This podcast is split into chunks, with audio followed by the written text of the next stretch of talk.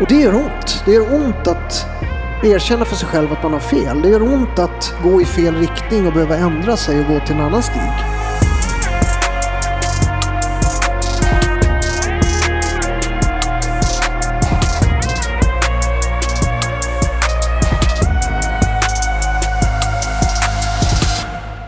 Ja, jag vill önska alla våra fantastiska lyssnare varmt välkomna till ännu ett avsnitt av En beroendepodd. Sveriges största podcast om beroende och medberoende. Och den här podden gör vi för att försöka ja, krossa tabun kring beroende och medberoende. Vi vill sprida kunskap om dessa sjukdomstillstånd och vi vill försöka sprida lite hopp i stugorna. Och och eh, vill ni önska en poddgäst eller ett tema eller vad som helst så finns vi på Instagram. Där heter vi kort och gott en beroendepodd i ett ord. Ni får gärna följa oss där också om ni vill. Men eh, det är alltid mysigt med feedback och ni får gärna höra av er om ni vill eh, ja, som sagt, önska ett tema eller en gäst. Vi lyssnar på er och vi är så tacksamma för allt ni eh, säger till oss och för att ni lyssnar. Utan er så eh, går den här podden under helt enkelt. Den här podden gör jag ihop med The House Rehab och vi sitter faktiskt på The House Rehab just nu på Skeppsbron. Och eh, ja, det är en mysig, fin studio här och ibland har jag med mig Felix och Robert från The House Rehab och då kör vi lite temaavsnitt. Det är mysigt när de är med, men det är också mysigt när de inte är med, för då får jag sitta och gosa ensam med en gäst. Och idag är det faktiskt så. Idag har jag bjudit in en vän från tolvstegsvärlden. En kille som eh, kom in lite före mig och eh, de här personerna som har ett tror det. De personerna som kom in lite före en själv har man ju en lite speciell relation till, för de har ju alltid fungerat som ja, lite förebilder och inspirationer i tolvstegsvärlden. Och just den här gästen är en kille som jag alltid har tänkt att han är en jävel på att dela. Det är så här, när man går på tolvstegsmöten och har gjort det i många år. Och eh, jag har säkert gått på tusentals möten. Så kan det lätt bli lite mekaniskt ibland. Man hör saker om och om igen. Och många människor delar samma saker om och om igen. Och det är inget fel med det. Beroende är ju glömskans sjukdom, så vi behöver ju upprepa mycket. Och vi behöver påminna oss själva. Och det är inget fel med att upprepa sig. Men då är det också befriande med någon som alltid talar från hjärtat och med inlevelse och passion. Och eh, ja, veckans gäst är en sån människa. Och då tänkte jag att han skulle passa perfekt i den här podden. Varmt välkommen säger vi till Fredrik Lie. Tack så mycket Nemo. Verkligen och tack för inledningen och, och den fina presentationen. Uh, det känns ju som att du har satt ribban här nu. Kanske. Ja, jag ska göra mitt bästa för att uppleva det. No pressure, men jag är faktiskt bara helt ärlig. Mm. Det är, det, jag tror att jag har nämnt det för dig förut också någon gång. Det här med att jag upplever att när du delar på möten så är det som att du ofta säger de orden du säger för första gången nästan. Och det är en konst alltså.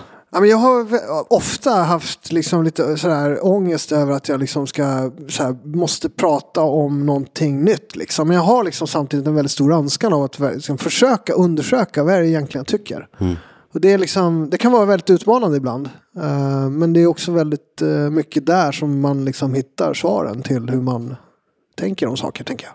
Och det blir också ärligare på något sätt, känns det som. För då blir det som att man per automatik också delar kring sin absoluta dagsform. Mm. Istället för att bara dela om det som man ska dela om, mm. inom situationstecken då. Eh, och det har jag känt med dig, att du, liksom, du, eh, du talar från hjärtat på ett sätt som, som är, är fint. För att jag... Jag har själv varit likadan, att man ibland kan känna så här, Åh, nu säger jag saker som jag kanske inte riktigt känner för att jag ska säga de här sakerna. Och mm. eh, det finns ju en poäng med det. För att vi ska hjälpa nykomlingarna, vi ska sprida hopp och det är det viktigaste såklart. Men det kan också bli att det blir, i min mening, lite mekaniskt och lite själlöst. Det är ett väldigt negativt ord, men det kan vara en känsla jag får av det ibland. Mm. Så därför vill jag credda dig lite för att du känns genuin i delningarna.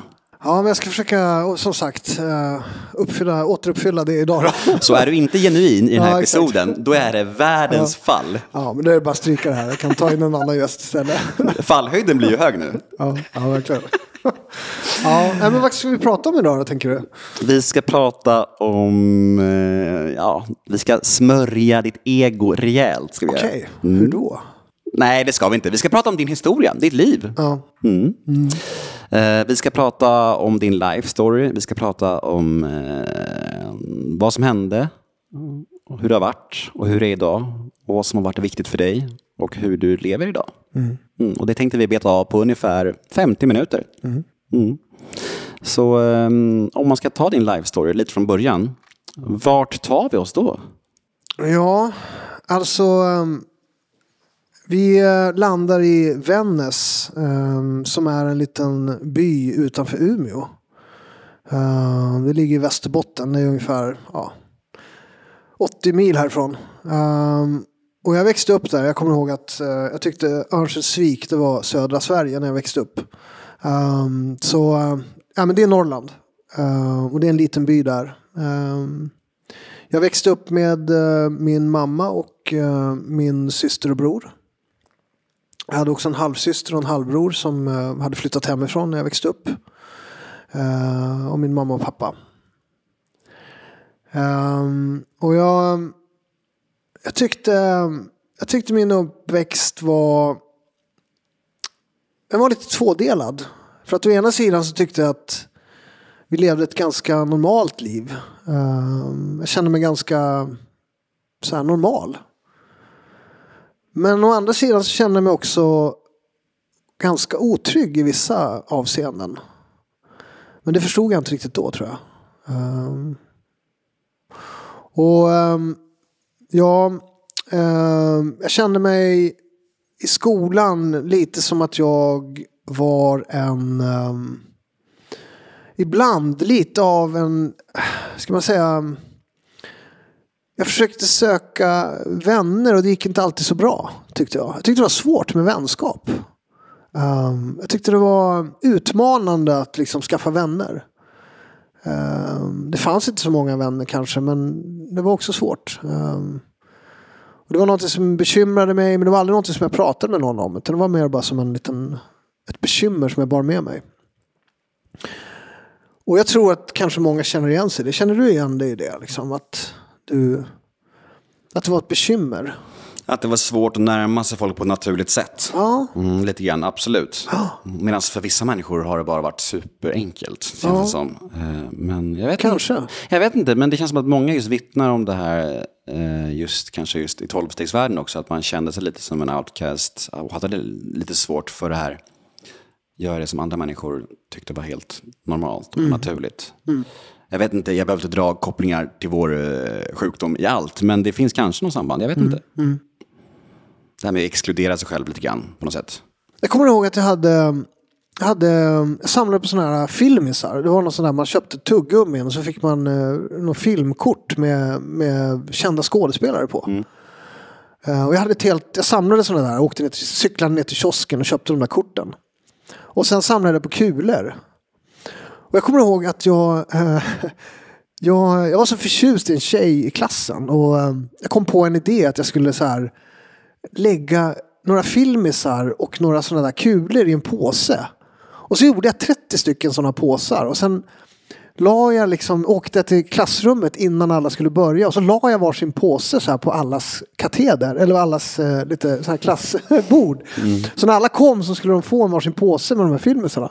Och i min värld så, så var det där en jättegrej. Alla skulle bli jätteglada och tycka om mig jättemycket. Men det var liksom ingen som så här alla såg de där påsarna, så tog de de där filmerna, filmisarna, sen var det inget mer med det. Och jag blev jättebesviken på att det inte blev liksom en... att jag blev hyllad där. Ja, jag förstår ändå det. Ja, vad var det liksom? Ja. Vilken grej. Ja, men när man var liten så var ju sådana mindre saker enorma. Ja. Ja.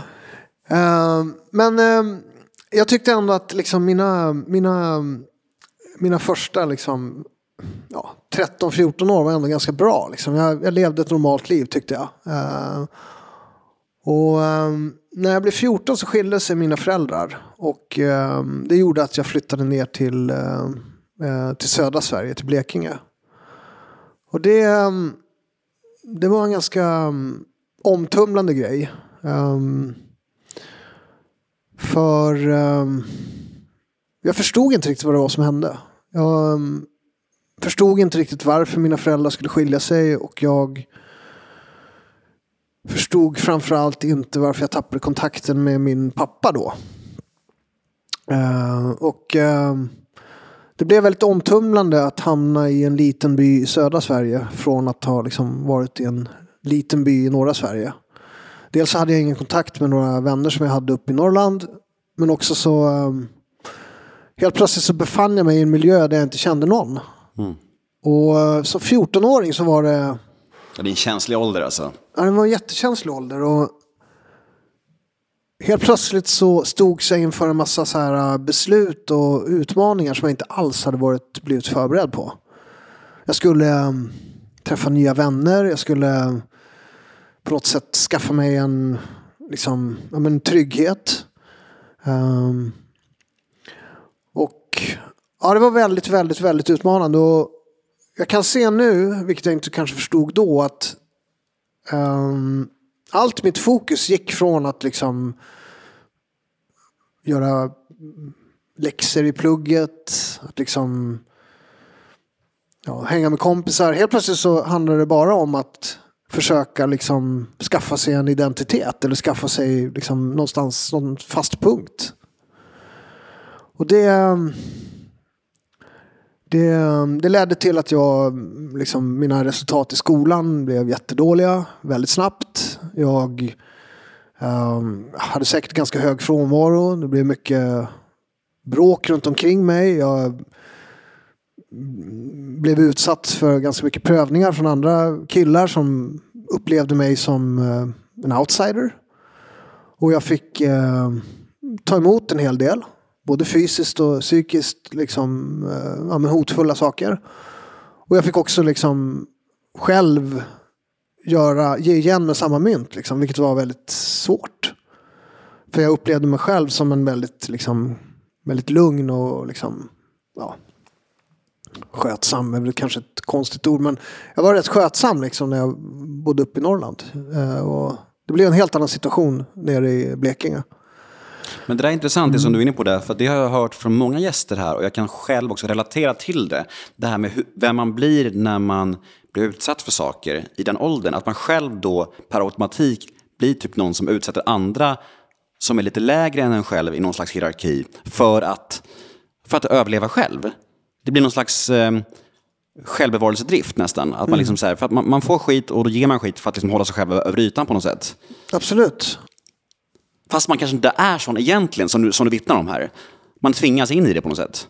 Ja, men jag tror att jag hamnade i en situation där jag normaliserade eh, våld och oschysthet. Och ja. Det, det var en väldigt avgörande situation där. Um, och det var tufft några år. Sen kom jag in på gymnasiet med nöd och näppe. För att jag hade ganska lätt i plugget och jag kom in på teknisk linje då, vilket var motsvarande naturvetenskaplig linje kan man säga. Um, med så här minsta möjliga marginal, för mina betyg hade ju störtdykt. Um, och jag, jag har alltid haft lätt i skolan så att det blev ändå min räddning där. Att jag kom in på gymnasiet, jag fick gå teknisk linje och jag träffade nya människor där som jag kunde liksom bli kompis med. Och jag kommer ihåg, det var en sån jävla lättnad när jag förstod att oh, shit, jag kan verkligen träffa nya vänner i en sån här situation. Så det var en enorm lättnad och jag Ja, men det gick väldigt bra. Liksom. Jag liksom började plocka upp betygen igen, det började gå bättre, jag började liksom intressera mig för skolan igen och för kamrater och det blev väldigt mycket positivt av det. Um, jag fick också ett helgjobb på ett bageri. Ehm, så att jag jobbade helgerna på bageri, vilket var också fantastiskt. Eh, ehm, sen efter gymnasiet så beslutade jag och några polare att vi skulle åka till eh, USA och um, jag hade en storebror som hade varit i LA ett tag så vi bestämde oss för att åka dit. För han och några kompisar uh, befann sig där. Och jag hade väl egentligen aldrig provat droger överhuvudtaget. Um, hade du krökat? Ja, jag hade, jo, men jag, jag var ganska, jag drack en del. Men jag hade så skötsamt runt omkring mig så det blev liksom inte några liksom missöden egentligen. Och däremot på min student så kommer jag ihåg att jag blev jättefull och um, och um, um, jag tror jag var, jag var otrogen mot tjejen jag var tillsammans med. Vilket var ett stort, stort misstag. För jag var så fruktansvärt kär i henne. Och jag ångrar, ångrar det otroligt mycket. Men jag berättade för henne också och det blev hon inte glad för. Det var, och det var under fylla. Men aldrig då, inte då tänkte jag liksom att fan, det här är ett problem. Utan jag tänkte liksom att fan, inte kanske vilken otur jag hade, men mer så här. Det där var ju en dålig sak att göra. Inte så här, oh, jag var så jävla full så att jag tappade mitt omdöme. Det slog mig aldrig den tanken. Men så var det ju, det kan jag se idag. Um, inte för att det är någon ursäkt, men det är en förklaring liksom. Um, när jag sen um, hade varit i USA i typ tio månader så eh, började vi prova lite droger där. Det började med att vi skulle röka lite gräs.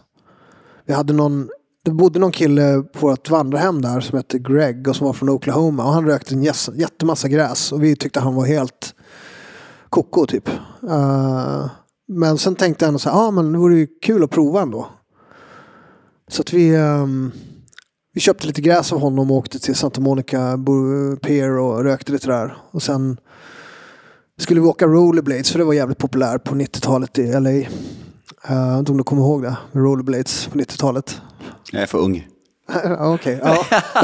I wish. Jo, det är klart jag minns det. Ja. Ja. Ja, men det, var, det var samtidigt som, eh, som eh, vad heter de, Pamela Anderson och vad heter det, Baywatch. Just det. Mm. Så vi rökte på där och sen kom jag ihåg att jag fastnade i någon sån här tidsloop på vägen från Santa Monica hem till vandrarhemmet åkandes på, på rullskridskor.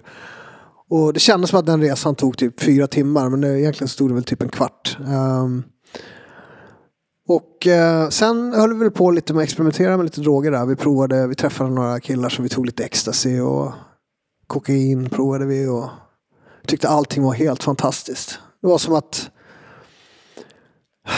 det var som att någon hade så här hållit en hemlighet ifrån oss. Oss säger jag, men från mig. Att liksom, okej det finns de här drogerna som man kan använda. Som bara ger en massa fördelar. Som bara gör en till en bättre människa. Så han var kärleksfull, kunde prata med folk, kände sig orädd, var trevlig. Och känslan då var, eller tanken var då att här är liksom någonting som är mycket, mycket bättre än sprit. Och ingen som har berättat något om det. Alla har bara pratat om hur dåligt det är. Men här i USA så verkar det som att alla tycker det är okej. För det tyckte alla som var runt omkring mig. I alla fall de jag pratade med då. Så jag tror att vi, eller jag och mina kompisar, vi, vi liksom så här tog ett beslut att nej, men det här ska vi testa mer av. Uh, så det gjorde vi. Och um, Alltså egentligen så eh, tyckte jag att baksmällorna och allt det här ångesten som man fick efter var ganska jobbig, jobbigt liksom. Men det på något sätt gl- glorifierade man och tänkte att nej, men det, det är väl någonting man får ta för att må så bra. Ja, det var ju verkligen värt det i början ju, Ja. får man ju säga. För då, Jag tyckte det. Nej, men jag var helt enig. Sen flyttade jag hem till Sverige där efter ett tag och då uppstod ett stort problem. Och det var ju att de här drogerna som jag tog, det var inte gångbart liksom, i en liten by i Sverige på samma sätt. Jag kunde inte liksom ta de här drogerna och förvänta sig att folk skulle liksom tycka det är okej. Vilket gjorde att jag hamnade i en situation där jag på något sätt kände ett behov av att så här, göm, dölja att jag ibland rökte på.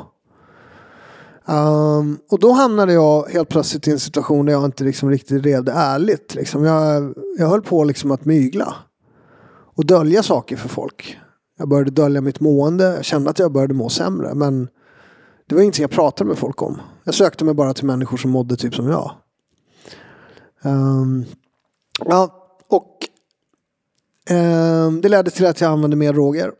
Och det som räddade mig där och då det var att jag kom in på en kurs på universitetet. En kurs i astrofysik och matte tror jag det var. Eller filosofi tror jag det var. Två kurser.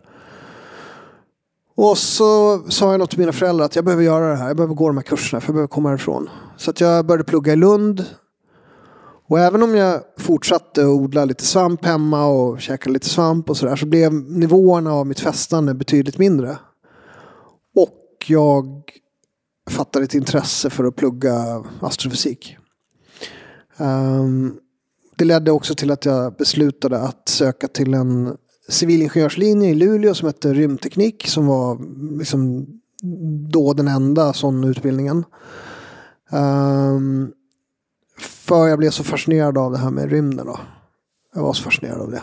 Och jag tänkte att äh, men ska jag göra det här liksom, så ska jag göra det på riktigt. Då ska jag göra liksom, det svåraste som finns. Så jag sökte den här utbildningen. Och kom in på den och flyttade upp till Luleå med, med sambon som jag hade då. Uh, problemet då var att jag lyckades inte hålla mig nykter. Jag fortsatte att använda amfetamin och alkohol. Amfetaminet Amfetamin gör en ganska knepig.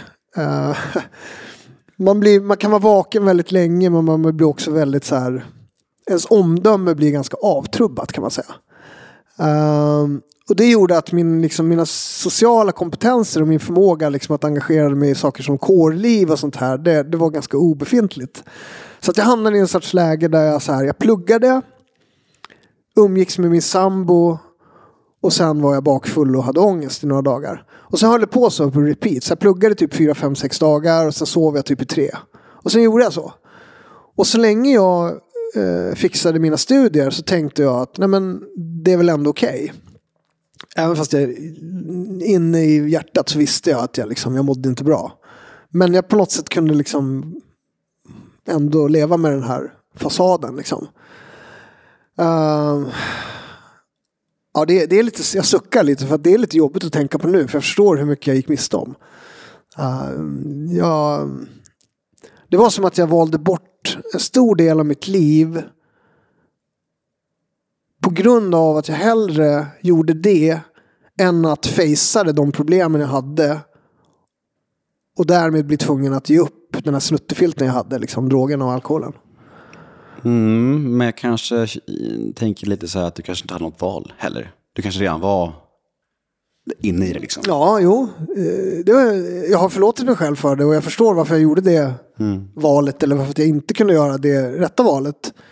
Men sanningen är ju ändå att det var ju någonting som jag gick igenom i livet. Och när jag ser tillbaka på det nu så kan jag ju se att jag gick miste om en jävla massa saker. Men det förstod jag inte då. För jag trodde att det var det smartaste att göra. Jag hade liksom en plan. Så här. Jag skulle så här fixa utbildningen. Jag skulle, oklart vad det skulle leda till, men jag skulle fixa den här svåra utbildningen. Och jag skulle liksom bli en respekterad och eh, lycklig människa. Typ. Det var min plan. Och um, sen de här sakerna som hände runt omkring, att jag var tvungen att ta droger för att liksom överleva den här liksom genomförandet. Det såg jag då som en, som en nödvändighet. Um, ja. Och jag måste säga att jag levde i den verkligheten sen från det att jag var, ja det här var ju då typ 99, 2000. Och sen var det så i mer eller mindre liksom intensivitet ända fram till eh, 2009. Ja, så tio år ungefär. Och majoriteten av den tiden så drack jag bara alkohol. Uh, och en stor del av tiden så drack jag bara liksom, kanske ett par gånger i veckan. Men det räckte för att dämpa den här liksom, känslan av otillräcklighet som jag ändå gick runt på. Och när jag ser tillbaka på den tiden idag så är det helt otroligt att jag... Eller det är inte så jävla otroligt. Det är mer så här... Jag häpnas över hur... Hur jävla... Hur kraftfullt det är att, eller hur skadligt det är att bedöva sina känslor på det här sättet. Som man gör när man festar och när man använder alkohol och droger för att förtrycka sina känslor och behov. För det är inte bara det att jag liksom dämpar eller liksom inte låter mina sanna känslor komma fram. Det är inte det stora problemet. Utan det stora problemet är att jag går igenom en massa mikrosmå svårigheter. Stora och små svårigheter. Utan att egentligen lära mig någonting av dem. Idag förstår jag ju liksom att allting i livet handlar om att gå igenom en del svårigheter känna att det fan, det kanske inte ens är möjligt att fixa. Och sen fixar man det i alla fall och så lär man sig någonting på vägen. Liksom. I smärtan så lär vi oss någonting om oss själva. Det är, liksom, det är jobbigt att leva och det är smärtsamt. Och det är liksom en del av livet. Och när man gör det och går igenom några sådana cirklar så fattar man att det är okej. Okay. Och då börjar en tillit växa, att man liksom så känner att nej men fan, det kanske är meningen att det ska göra lite ont ibland. Och då kan man nästan börja embracea och liksom ta emot de här, den här smärtan med en ny typ av så här tillförsikt. Att nej men det är nog meningen att jag ska känna så här just nu. Men om man dricker och knarkar hela tiden eh, på de här grejerna. Då orkar man liksom bara gå igenom de här processerna till en viss punkt. För man vet att liksom, när det blir tillräckligt jobbigt, då har jag en bakväg. Då kan jag liksom rycka i nödbromsen. Då kan jag liksom så välja att inte fullfölja det här som jag håller på att lära mig. Men det är väl också därför många hävdar att eh, när man lever i missbruk så står man ju still emotionellt. Mm. Alltså, vi säger att du börjar knarka och supa när du är 18 år och sen så kanske du blir nykter när du är 45. Då är det ju oftast emotionellt och känslomässigt 18 år när ja. du blir nykter. Ja. För att du har liksom stagnerat där. Ja, och framförallt så har du inte lärt dig att smärta och lidande är en del av livet. Nej, exakt. Så när man kommer till nykterheten så måste man gå igenom en period av att komma till acceptans av att det är en del av livet att känna smärta. Men jag tycker nästan att den biten är liksom den som är allra störst och kanske svårast och mest omvälvande. Alltså just att bli nykter och drogfri och plocka bort substanserna, det är en sak. Men alla, den här känslomässiga biten, när den kommer ikapp och man ska börja liksom leva livet på livets villkor, som vi säger i gemenskapen, det är ju den som är oftast svårast. Och sen också mäktigast när man känner att man klarar av det. Mm. Som du är inne på nu, att, att hela livet består ju av det. Små, mm. små saker, som, eller stora, som man är med om, som formar en, som man växer av. Och, så, saker som man liksom har duckat och skitit i eller liksom inte varit kapabel till att möta under hela ens liv innan. Eh, så det är ju det största nästan. Ja. ja. Alltså jag ser det så här att när vi föds till livet så är vi ju inte vi behöver lära oss massa saker för att bli fria. För vi samlar på oss en massa feltänk och en massa mm, dåliga beteenden när vi växer upp. Och när vi sen ska bli vuxna och fria människor så behöver vi på något sätt lära oss om de här sakerna. Och det gör ont. Det gör ont att erkänna för sig själv att man har fel. Det gör ont att gå i fel riktning och behöva ändra sig och gå till en annan stig. Det gör ont. Det gör ont för att vi är så säkra på att vi har rätt.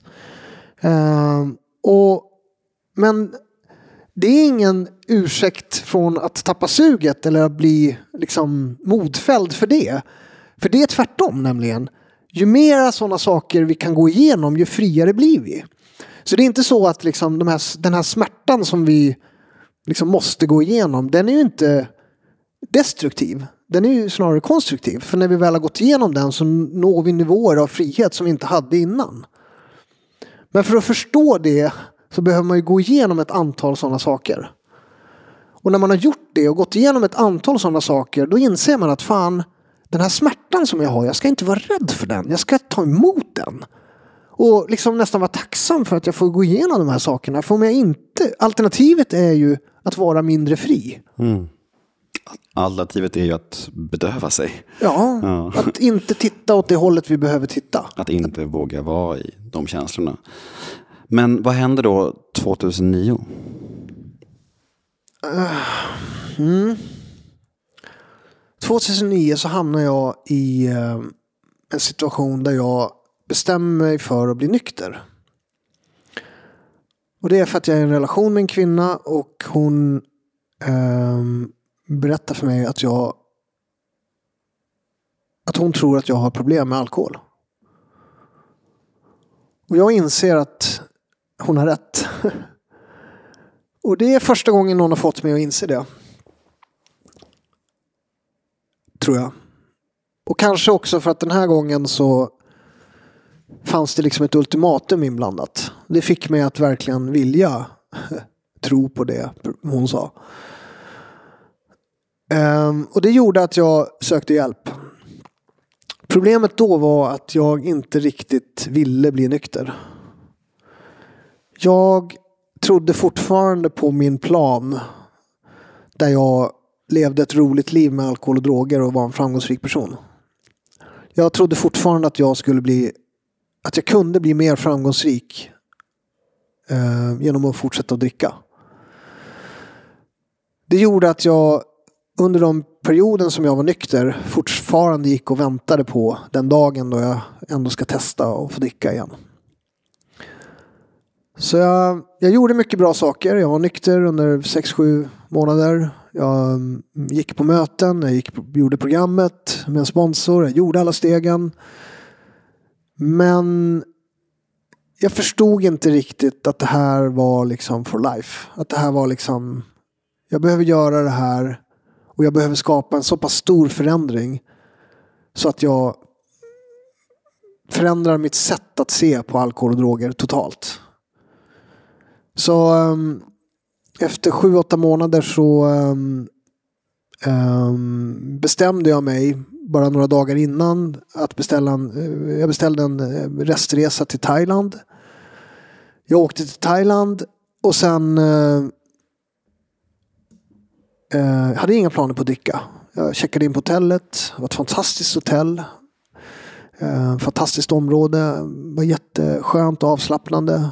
Jag hade jobbat hårt, jag hade, det gick bra på jobbet. Jag mådde fantastiskt, jag tränade mycket. Jag liksom tyckte att jag var på topp. Var du själv eller? Jag var själv där. Mm.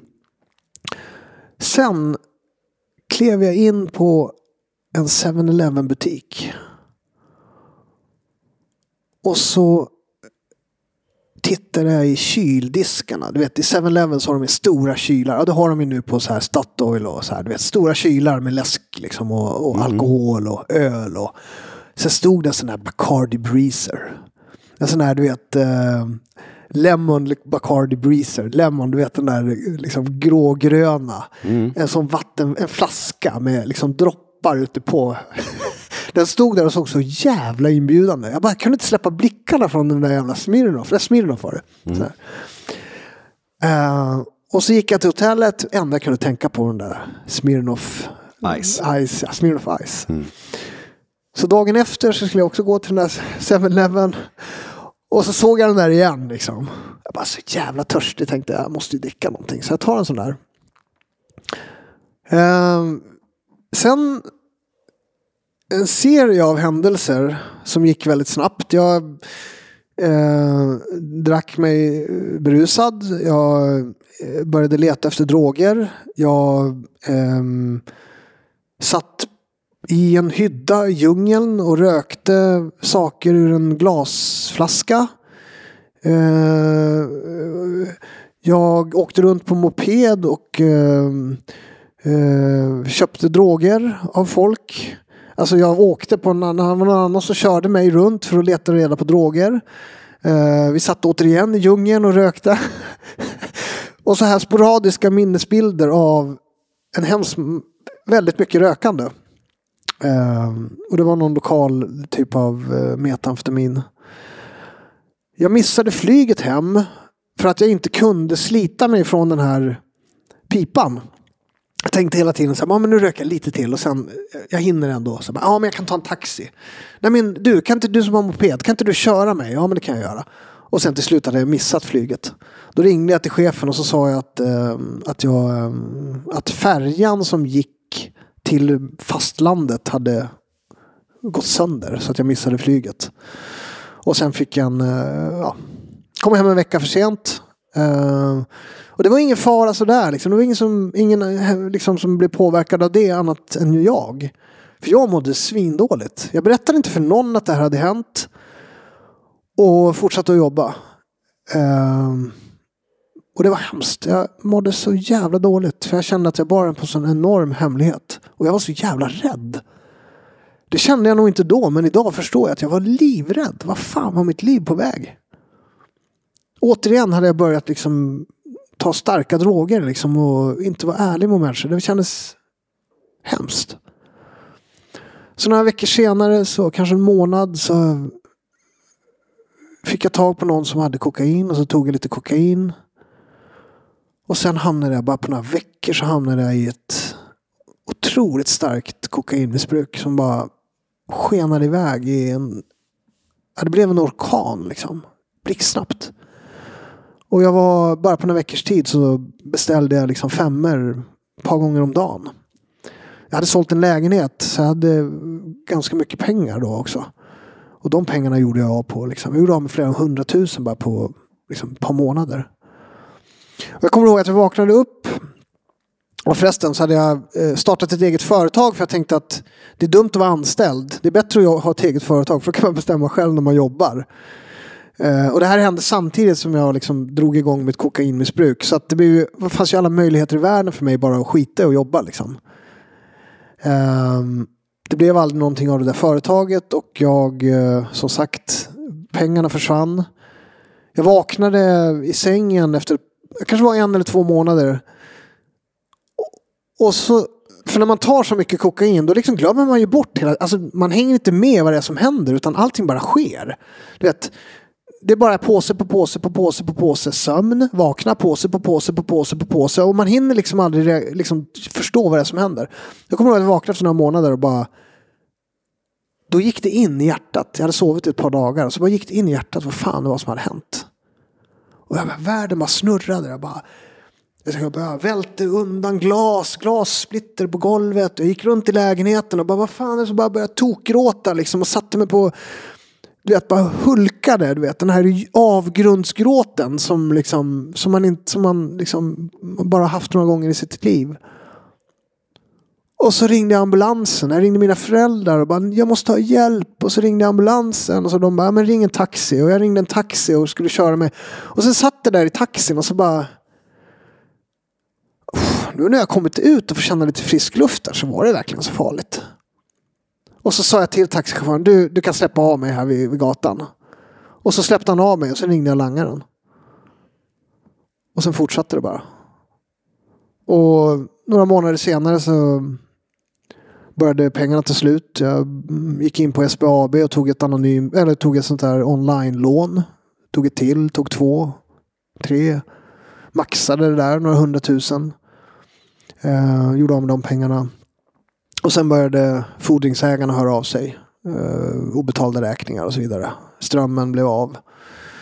Um, jag försökte kontakta SOS, jag försökte få hjälp men de tyckte inte att jag var berättigad till hjälp för de såg inte att jag hade en vilja. Liksom. Jag tyckte att jag hade det så jag blev ännu mer bitter. um, det är tufft att få hjälp. Det är inte alla som får hjälp även om de vill ha det. Liksom. Så um, jag blev av med min lägenhet till slut. Uh, och um, Jag bodde på ett halvvägshem, Lönnen. Då det började brinna i min lägenhet. Det var dödsstöten. För sen blev jag av med lägenheten. Uh, Förklara för lyssnarna vad ett halvvägshem är. Ett halvvägshem är ett hem där man får bo på väg mot ett bättre boende. Mm. Så det är en sorts temporärt, någonstans mellan ett härberge och en, liksom ett permanent boende. Mm. Så det är inte ett härberge, du har ändå ett eget rum, men det är inte heller din egen lägenhet, utan det är liksom, du har den på låns. Liksom. Och vart är vi tidsmässigt nu ungefär? Uh, jag har lite svårt att säga det faktiskt. För här börjar det bli lite luddigt med tidsmässigt. Uh, mm. Men det är ungefär... Kan det vara 8-9 månader efter att jag börjat liksom, med det här racet? Liksom, typ. Kanske lite mer, kanske ett år. Mm. Jag blev utslängd från det här halvvägshemmet för att jag kunde inte hålla mig nykter. Och uh, Ja, då hamnade jag på härberge för första gången och eh, Alltså i min värld då så hade jag liksom plan. Jag skulle fixa det här. Jag skulle liksom eh, eh, sluta ta droger. Jag skulle eh, på något sätt försöka få tillbaka min lägenhet. Alltså det fanns hela tiden, i varje steg, liksom steg ner till avgrunden så fanns det liksom en plan. Jag hade liksom en idé om hur jag skulle lösa det här. Um, Problemet var ju bara att när jag använde och drack, när jag drack och använde droger så glömde jag liksom lite bort det där. Det kändes oviktigt. Och sen vaknade jag upp i ett ännu värre tillstånd och så kom jag på en ny plan. Och sen söp och drack jag igen. Liksom. Eh, men jag hamnade på härbergen och uh, sen började liksom en period av ja, men ungefär ett år där jag eh, levde som ett spöke kan man säga.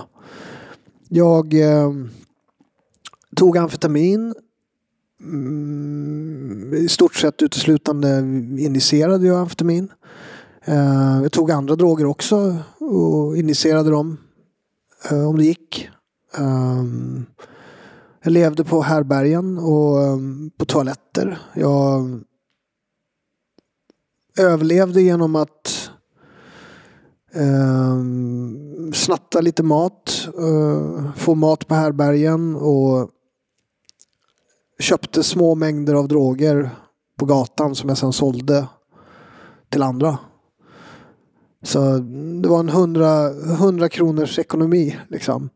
Köper lite knark för 200 spänn, säljer för 200 och tar lite det som är över. Liksom. Um, och um, jag kom liksom aldrig ur det där. Jag ehm, hade på något sätt accepterat att till slut att jag, att jag, att jag liksom levde där och att jag var där. För de här planerna som jag hade eh, de övergick till slut liksom till att jag kunde liksom, alltså min, min händelsehorisont blev mindre och mindre och mindre och jag fick mer och mer tunnelseende. Och till slut så var det enda jag såg var ju liksom att okej, okay, nu vaknade jag upp. Var är jag? Ja, jag är på Tärberga, just det. Okej, okay, eh, vad är det nästa som händer? Ja, men jag behöver få tag på droger. Och sen tog det kanske två, tre timmar innan man fick tag på droger. Och sen fick man i sig drogerna. Och sen hade man glömt att det fanns några problem. Tills senare på kvällen när man skulle hitta någonstans att bo då. Och så återupprepades det här. Så att, eh, till slut så hade jag liksom ingen tanke på någonting. Jag hade ingen tanke på familj. Jag hade ingen tanke på vänner. Jag hade ingen kontakt med någon. Um, det var ett väldigt, väldigt, väldigt konstigt liv. Jag umgicks med liksom folk utanför McDonalds på, liksom på Centralen. Och alltså, det, jag gick runt som ett spöke. Och um, Sen eh, vid en tidpunkt så träffade jag några. Det var en kille som jag hade bott på härberget med. Han kände några killar som höll på med en grej sa han för mig. Och han undrade om jag ville haka på. Jag kunde få droger. Ja visst sa jag. Så han eh, tog med mig till de här killarna. De var ganska var ganska aggressiva killar och jag var i det tillståndet så var jag liksom ganska, jag, jag vägde inte många kilo om jag säger så. Eh, och de erbjöd sig, eller var ganska framfusiga att jag skulle liksom hjälpa dem genom att eh, fixa ett falsklägg under ett annat namn. Och sen skulle jag gå in i affärer och plocka ut saker på kredit med det här falsklägget. Så jag gjorde det ett par gånger.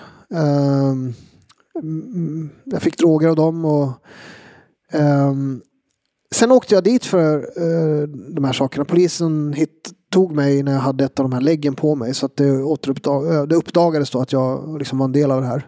De hade filmat mig och så. Så att jag fick 18 månaders fängelse för tre grova bedrägerier. Jag vågade då under förundersökningen inte berätta vilka jag hade liksom gjort det. Jag berättade att jag inte vågade berätta men de dömde mig liksom för ansvarig för det här. Då.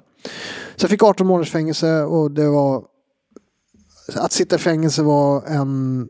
För det första så var det helt... Jag hade inte ens tänkt tanken på att jag skulle sitta i fängelse. Även om jag var hemlös och kanske liksom snodde en cykel här och där så var det liksom...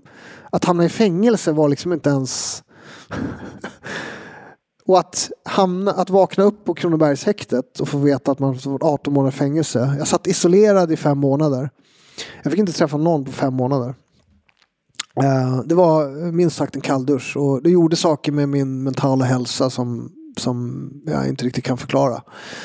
Eh, så när jag kom ut från fängelset så kände jag mig rädd. Jag var liten och jag kände mig väldigt, väldigt svag.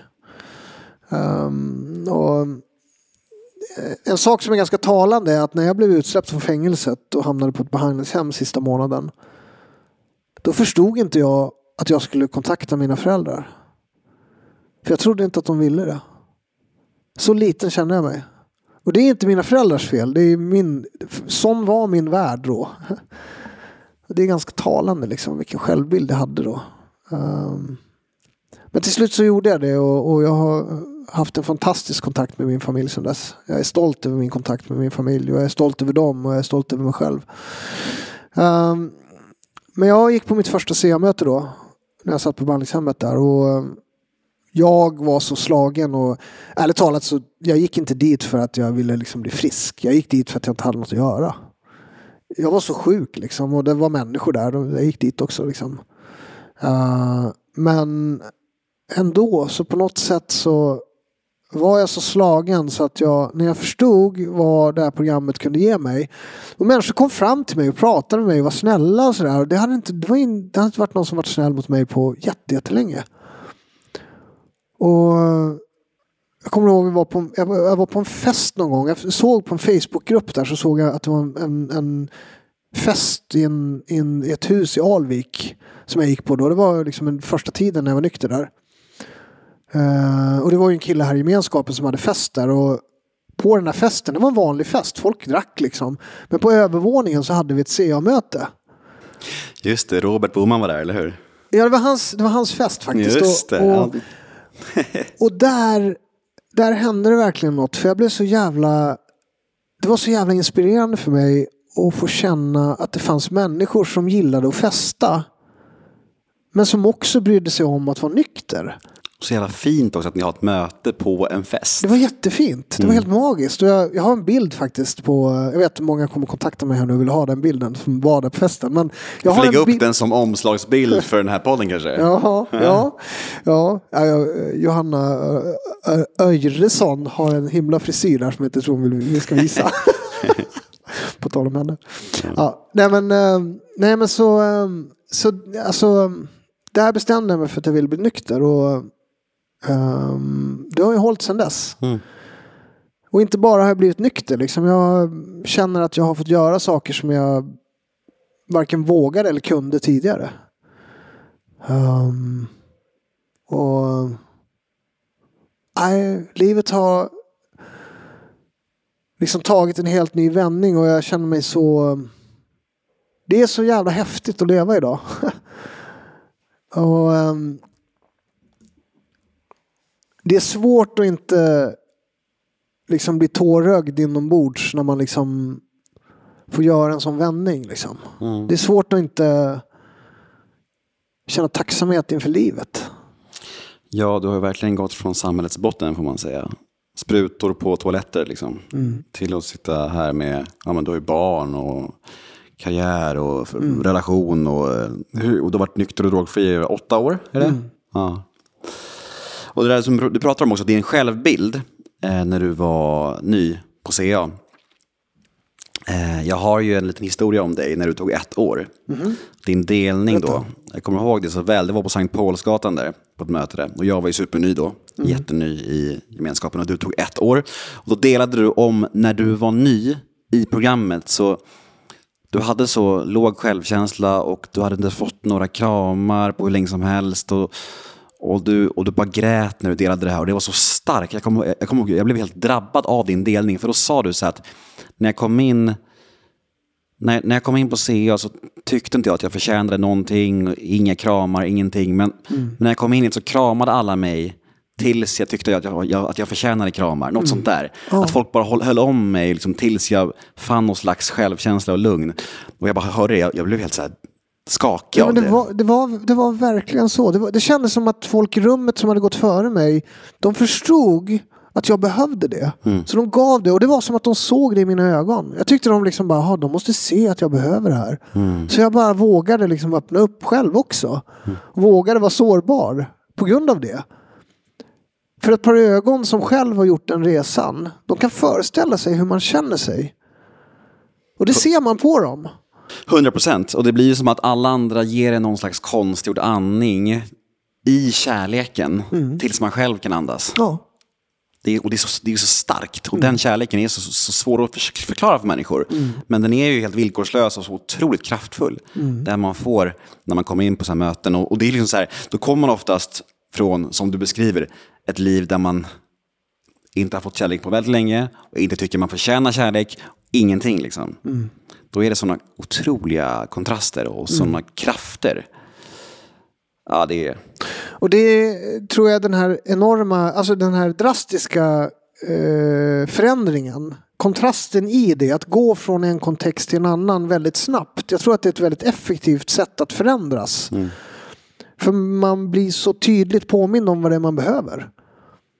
Ehm, och det programmet är ju väldigt bra i det och rummen är väldigt bra. Att man kommer från gatan eller från där man varit. Kanske man har suttit i en lägenhet och varit väldigt ensam och kanske känt sig ensam. Man kanske har varit bland jättemånga människor men ändå känt sig ensam. Och så kommer man till ett rum eller en miljö där alla är genuint intresserade av en och är intresserade av att ge en kärlek på de små sätten. Det blir en väldigt stor kontrast. Och då uppfylls man ju verkligen av en känsla av att fan det här behövde jag. Mm.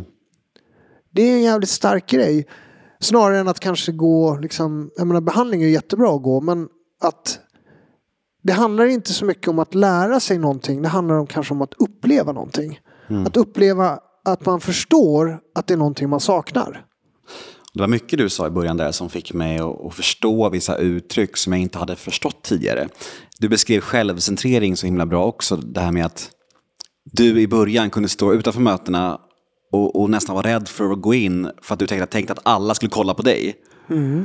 Och det kände jag också i början. Så att, jag kände hela tiden så att när jag går på mötena, alla kollar på mig, hur jag ska bete mig, hur jag rör mig, hur jag pratar.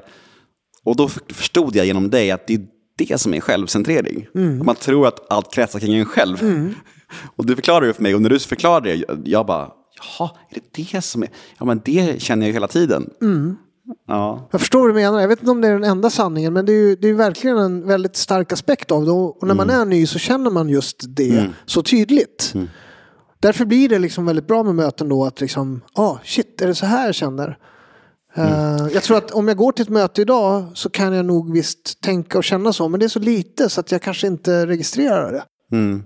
Och, Men i början så är det så påtagligt. och man kan också avfärda det idag med att det bara är just självcentrering. Alltså Ja. att, det inte, att det inte är verkligheten. Ja. Då var det ju verkligheten. Verkligen. Då var det så här, okej, nu kommer alla kolla på mig när jag går in på mötet här.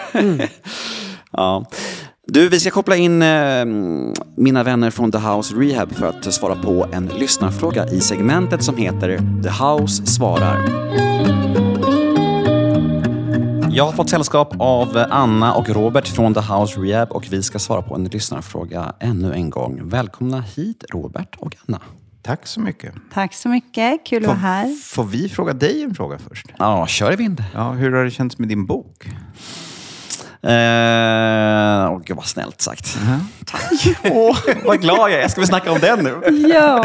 Nej, men eh, för beställningarna har ju börjat. Så boken släpps ju på riktigt först vid årsskiftet. Ja. Men man kan ju boka den nu och den är klar och det känns jättestort. Jag såg att du hade hamnat på en topplista Ja, direkt. plats två på Bokus. Ja. Det är mäktigt. Grattis. roligt. Det ska bli Tack. jättespännande att få läsa den. Ja, och Robert är ju faktiskt med i den. Ja, nu var det inte därför jag frågade. Jag tänkte det först.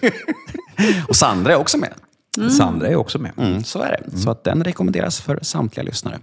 Ska vi ta en lyssnarfråga? Vi kör. Vi kör. Hur kan jag som medberoende slash anhörig agera bäst på ett återfall? Lugn, arg, förstående eller ifrågasättande? Ja. ehm, i de bästa av världar, jag vet inte, men att uh, försöka kanske först och främst ehm, ha med dig kunskapen att ett återfall kan vara en del av processen. Att det är väldigt vanligt att det faktiskt sker och i och med det kanske inte vara så hård och dömande. Eh, däremot att försöka hjälpa till att så fort som möjligt komma tillbaka till eh, ett tillfrisknande. Mm. Och jag tycker också att det handlar en hel del om personens egen inställning kring det här återfallet. Ja. Ja, om, om personen själv inser direkt att det här har hänt, jag, jag har återfallit, jag behöver hjälp, jag behöver ta mig tillbaka in i en tolvstegsgemenskap eller tillbaka till behandlingshem. Ehm, så är ju det en stor, en stor skillnad. Då, I den situationen så, så är det klart att man som anhörig fortfarande är besviken kanske, eh, men, men är ju fint om man klarar av att vara stöttande. Eh, är det en person som, som återfaller och uttrycker sig som att Nej, men jag har inga problem och det här var inte så jävla farligt och, och nu får du ta och lugna ner dig lite grann. Eh, då behöver man kanske vara lite inte bara kanske, utan då behöver man vara betydligt tuffare i sina konsekvenser för sin egen skull också. Mm. Ja. Då är det läge att sätta en, en gräns om någon är väldigt nonchalant och tycker att det var väl inte så farligt. Mm, kloka svar. Hoppas du som ställer frågan är nöjd med eh, dessa svar. Och om man vill komma i kontakt med er på The House, hur gör man då? Mailar man till oss, man kan mejla till sandra at thehouserehab.com eller Eller till alicia at thehouserehab.com. Eller så ringer man och numret finns på er hemsida. Jajamän. Precis. Mm. Fantastiskt, det har jag lärt mig nu. Ja, Tack för att ni kom förbi. tack så mycket. Tack. Tack för den kloka lyssnarfrågan. Hoppas du är nöjd med ditt svar. Jag sitter här med Fredrik Lien och vi har fått lyssna på hans eh, livshistoria. Och, ehm, det var starka grejer, käre du. Hur känns det? Jo, men det känns bra. Det känns lite uttömmande. Det var, det var, um, det var häftigt att sitta i en sån här fin studio och berätta om sig själv på något sätt. Det var lite, lite så här, uh, ja, lite kändisfeeling. Det var ju kul. Nej, Jag, jag, jag tycker ju du har talats gåva verkligen. Och det, det sa jag till dig innan här. Eh, att du är väldigt bra på, på att prata just om sånt här. Och det tyckte jag verkligen att du fick till också. Eh, jag är helt, helt övertygad om att det här kommer hjälpa många där ute. Och det är ju det som är syftet med podden. Så det är. Mm. Ja, det var väldigt, väldigt kul att sitta med dig Nemo här. Det, var, det, var, det är en väldigt spännande känsla att sitta när man känner någon liksom, och sitta så här också. Mm, jag förstår det. Du får komma tillbaka någon annan gång och, och, och utveckla mer om eh, ja, hur du lever i programmet idag och tillfrisknande och hur du har utvecklats vidare i ditt liv. Jag vet ju att du gör, att du gör ganska mycket olika personlig utveckling, grejer i livet. Det tar aldrig slut. Nej, det är ju det. Det är en ongoing projekt för oss alla. Att man eh, hela tiden letar nya saker att jobba med hos sig själv. Idag blev det mer din life story, men kom tillbaka framöver så, så tar vi ett nytt grepp på mer saker. Mm. Tack för att du kom. Tack för att du fick komma. Och tack till alla er som lyssnar ute. Ni är fantastiska och jag är så glad och tacksam över att eh, ni fortsätter lyssna vecka ut och vecka in. Vill ni önska en gäst eller ett tema, gå in på Instagram och hojta till oss där. Vi heter En Beroendepodd, kort och gott. Puss och kram och var rädda om er. Hej då!